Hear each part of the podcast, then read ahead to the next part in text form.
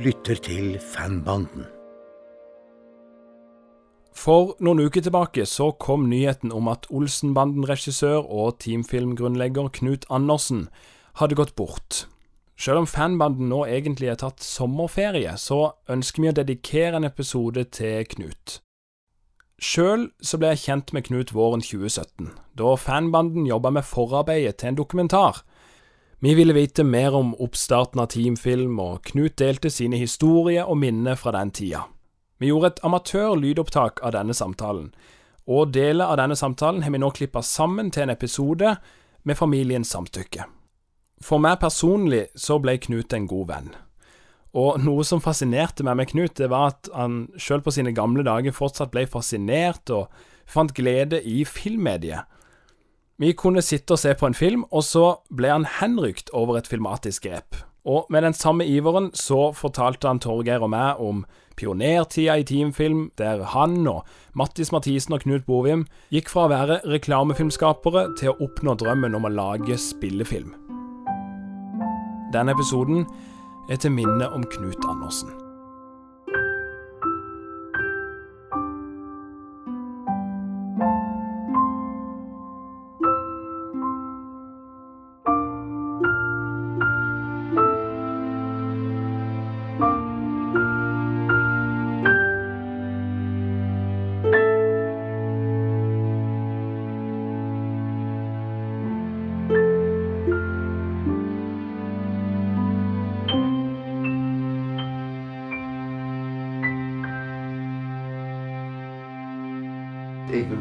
Moe trodde tydeligvis på meg. for Det kom til et punkt hvor, hvor han hadde lyst til ikke å bare være direktør på Chat Noir og bare være plateprodusent og utgiver og musiker. Ja, han ville bli filmprodusent også.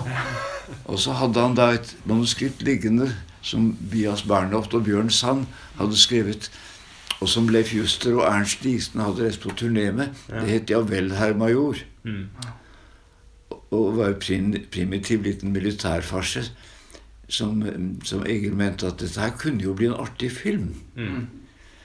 Mattis var en jævlig dyktig fotograf. Fin å ha med å gjøre. Morsom, effektiv fyr. Knut Bovim og jeg jobbet fint sammen. Skrev dreiebok sammen til de første filmene. Og klippet sammen og kom godt overens. Og da flyttet da sørget Egil for kontorer til oss oppe i femte etasje i Klingeberggaten 5, rett over Rosekjelleren. Og vis-à-vis på gangen, der var det Norena-film, utleieselskap, som holdt til, med Harry Ottersen. En høvding som hadde jobbet i film i alle år. Og vi fikk våre kontorer tvers over gangen. Men da starta dere teamfilm? Da startet vi teamfilm Ja. under vingen på Egil.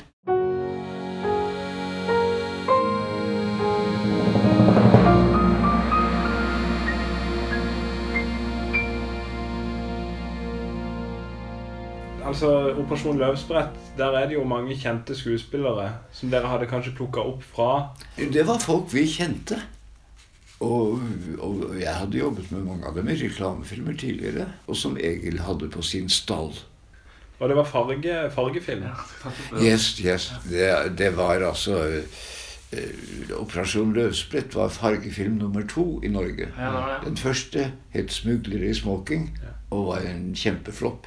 Jeg kan jo ikke glemme altså, da vi hadde presentasjon av filmen for kinodirektør Eng og distributøren Ottersen oppe i kinematografenes prøvesal i Klingeberggaten.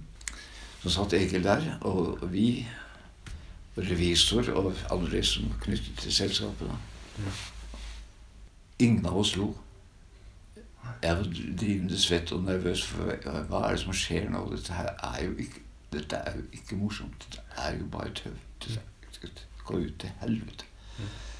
Og etterpå kommer Egil. Det husker jeg da lyset kom på. Så kommer Egil bort til meg og legger en hånd på skulderen og sier Knut, ta det ikke så tungt. Nå sender vi den ut på markedet, og så ser vi hva som skjer. Nei, så skjøv jeg det så godt jeg kunne unna. Og I møte så premieren på Klingenberg. Masse mennesker. ja. Vi satt langt inne på benkeraden. Teamfilm. Og så drukner jo Salen var full, så drukner jo alle replikkene i latter. Mm. Faen, er, er det morsomt? Det må, det må jo være morsomt, dette. Altså, jeg hadde vært så nervøs, nervøs ved tanken på premiere og sånn. Og så ble vi da hentet ut fra benkeradene og, og fotografert, og det var svære oppslag i avisene. Jeg har jo alt sammen her. Dagen etter suksessen var kolossal.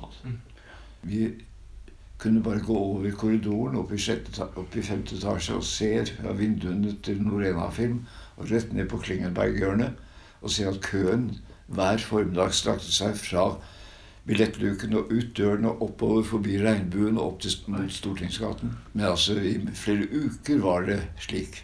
Og filmen slo jo alle rekorder.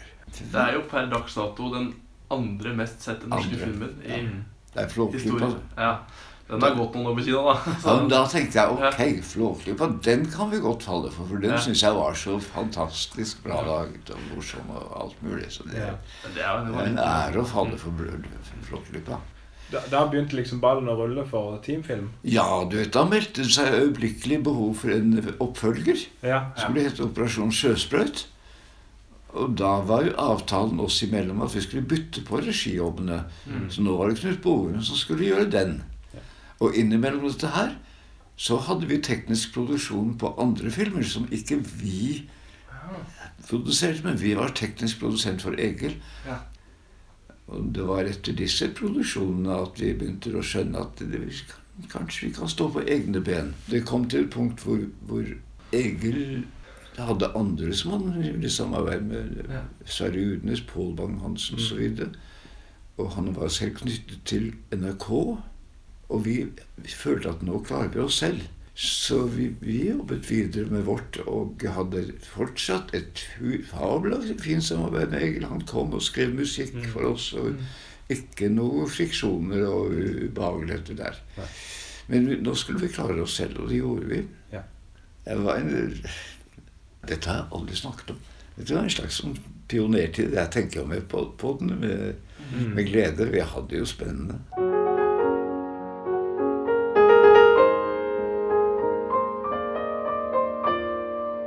Fra 62 til 69 rundt der, så, så var det jo Alt dere lagde, ble jo, ble jo sett av mange på kino. Nå skal du huske på at dette her var jo Vi startet jo i en tid da jeg ikke hadde fjernsynet. Ja. Men da fjernsynet begynte å komme og begynte å bre seg utover landet, da kunne du nesten se på innspillingsstatistikken hvor fjernsynet har nådd. For da plutselig tømmes kinoene. Ja. Sitter folk hjemme og glaner på prøvebilder, for den saks skyld. Men vi fortsatte jo ufortrødent å lage filmer.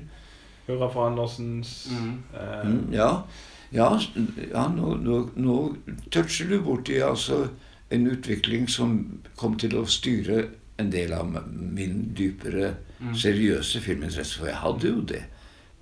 Det har jo ikke vært fordi at de pretenderer på å være politisk riktig eller noe sånt, men for meg har filmen vært et, et skikkelig håndverk, og jeg har satt min ære i å forsøke å lage og innrette meg etter prosjektet. Altså l- lage en komedie som en komedie, og lage en seriøs film som Brent jord, f.eks. Som den, det dokumentet den er ment å være. Historisk, kunstnerisk, eller hva du vil kalle det.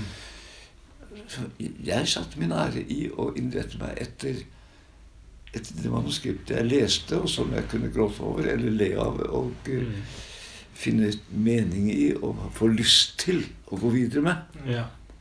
Det jeg ikke lærte meg noen gang, det var det der med Som teaterfolk gjør, å instruere lange scener. Allting foregår, hvor skuespillere beveger seg rundt og setter seg og reiser seg og går ut og inn av dører. ja et, sånn. et langt eh, har ikke peiling. Det blir bare kaos for meg. Ja. Jeg må ta bilde for bilde. Ja. Og ha tenkt på forhånd akkurat hvor Og så skal jeg klippe der. Og så over til den. Altså, du spilte ikke en master, men du spilte spilte inn uh, Tok bit for bit? Ja. Sier det. Så klipp Tok én master, og da satt vi alle sånn rundt et bord og leste tekst. Og gjorde forandringer der hvor skuespillerne hadde innvendinger. Hadde aldri noe prøve på arrangementer. Sier du det? Ja. Det jeg Jeg, visste, jeg visste hvor jeg skulle hen, for jeg, jeg har jo en tegnehobby. Som Ja, du ser rett ja. Så, så jeg, jeg har laget tegninger til hver eneste scene Mm. gjennom hele min tid. Så, så rablet jeg enkle små skisser Og, og på forhånd visste jeg tegn piler, hvor de skulle bevege seg. Og, og alt det der hadde jeg klart på forhånd. Mm. Det gjorde jo jobben som fotograf forferdelig kjedelig. Ja. Det har jeg fått rene ord for fra enkelte fotografer som sier at jeg var dødskjedelig egentlig å jobbe med deg, for du hadde jo alltid. Det nytter ikke å komme med forslag. Ulaf Andersens er jo uh, Aud Schønmanns første hovedrolle. Det har du rett i. Det var Auds første hovedrolle. Han var jo allerede da kjent. Men Aud visste man om, og hun var alltid kjempegod på scenen i smårollene sine. Men på film hadde man ikke sett henne så mye. Bare av og til. Jeg hadde selv brukt Aud i 'Nydelige nelliker', var en film som bygget på noveller av Egil Lian. 'Nydelige nelliker' er en ujevn film. På sitt beste syns jeg at den er helt nydelig. Men så er det ting der som jeg tenker Fy flate, har du laga dette? Hvorfor har du ikke klippet det vekk i tide? Men det var høyt produksjonstempo. Ja. Det, de gikk kort tid fra manuset kom til, uh, Ja, til ferdig film. ja det, det gjorde det. Ja. Vi Sånn visste at det, vi må, må ha premiere i august. Mm. Det er bare å kjøre på. Mm. Siste bilde i boks var rett på laboratoriet i København. Og der satt vi og klippet i den første tiden. Vi hadde et nært samarbeid med Nordisk Films Teknikk, som det het, i Frihavnen i København. Vi hadde nemlig en avtale gående med Nordisk Film, fordi at Nordisk Film var også leverandør av danske filmer til Harry Ottersen i Å, oh, ja. Film. Ja. Så der ble, det ble en forbindelse. Så istedenfor å bruke norsk laboratorium, så reiste vi til danske. Fint samarbeid med dem. Og det førte jo i neste runde til at Kimfilm fikk tilbud om å, å lage Olsenbanden.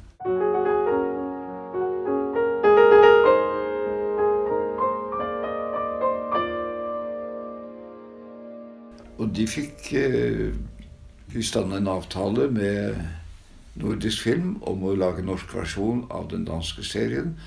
Til og med nært samarbeid. Vi brukte jo en del skuespillere fra Danmark fordi at vi kunne bruke en del scener Ja. som er med, og en del atelierdekorasjoner som var bygget ut på nordisk film. Så vi, vi, vi jeg sier vi som mener da Knut OVM, og staben reiste dit ofte gjennom hele Olsenbandetiden.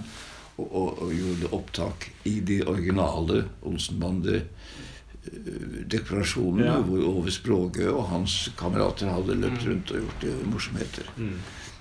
Etter hvert så ble du jo spurt om å regissere en eh, Olsenbanden-film. Ja, Olsenbanens siste bedrifter' ja i 1975. ser du? Ja. Det var et travelt år. Det, det året skulle jeg lage to filmer. ja. Det gjorde jeg. Um, Knut var opptatt med Tut og kjør. Det var det, ja! Det var det! Jeg, jeg tenkt, før dere kom nå, så hadde jeg tenkt Hvorfor skulle jeg plutselig Ja, det var Tut og kjør, ja. Ja. Det var den. Dizzie Tunes-filmen. Ja. Jeg hadde glemt hvorfor. Men plutselig ble jeg pålagt eller forespurt Kan ikke du ta den? Og så kommer jeg tilbake til det jeg sa i sted. Ok, det er en oppgave. Dette er en farse. Dette er en morsom film. Ja. Eh, Problemene stilte seg jo der med at eh, vi, vi har ikke i Oslo noen sånn bro som skal åpne seg. Ja, ja, Vi må finne på noe annet. ja. Mm. Og så fant vi da altså jernbanetoget over Mm. Rådhusplassen. Men da så du den danske filmen før du satte i gang på den norske? Ikke jeg. eller? Nei. Jeg nei. så den ikke. Å nei. Nei, jeg, jeg, jeg ville ikke, jeg ville ikke se den. Nei, du ville ikke farge jeg, jeg, jeg, tok, jeg fikk Ja. manuskriptet mm. fra han som hadde oversatt eller skrevet og tilpasset forholdene til Oslos geografi. Ja. Um, men jeg, jeg ville ikke være bunn, føle meg bundet av, av det. Nei.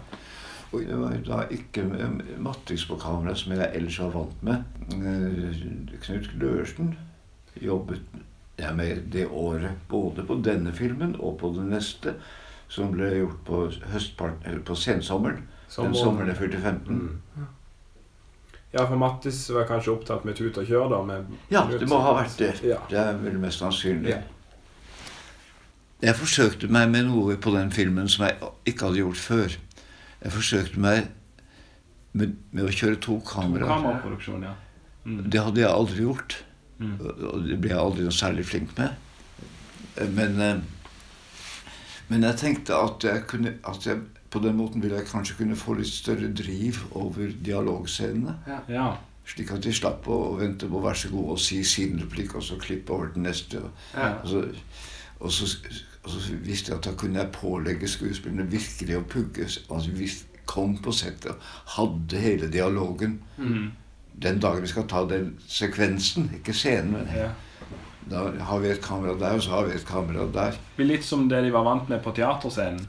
Med å Ja, være, ta da de, ta da måtte de jeg foreta noen arrangementer. og det jeg vil at Når jeg ser filmen, så ser jeg at det er ganske klønete gjort. Men altså, det var, det, var slik, det var slik vi kunne få det til. Det var fryktelig moro å lage den. Jeg likte jobben. Og, og det gikk knirkefritt. Og skuespillet Vi hadde en fin tid. Hvordan var eh, Sverre Wilberg å jobbe med, da? Og eh, nydelig mann. Å gud, jeg likte Sverre veldig godt. Jeg kjente han personlig Han bodde i nærheten der hvor jeg bodde den gangen. Mm. ja, han er gentleman. Virkelig. Og Rolf Sødi kjente jeg jo godt fra Brent jord. Ja. I en aldeles annerledes rolle. I sluttscenen. Å, den blå dressen, den overtok jeg etterpå. Gjorde du det? Ja. Har du den ennå? Nei, nei, jeg har ikke. Men det var en morsom gjeng. av bevarelser. Jeg har fine minner fra denne. Ja. De hadde jo, de hadde jo lagd fem filmer før det, så nå var de vel nokså sammensveisa, de tre. Ja, nei, hva det angår de- Jeg kom til dekket bord. Ja. Er Ferdig manus. Skuespillere skal kunne rollene sine bedre enn jeg kunne. ja. Eh, Jeg bare påla dem lær teksten. Ja. Ha den i hodet, for jeg forventer større tempo. Ja. Det, var mitt bidrag. Ellers så moret jeg meg med dem. De syntes jo, de det var artig å lage dette her.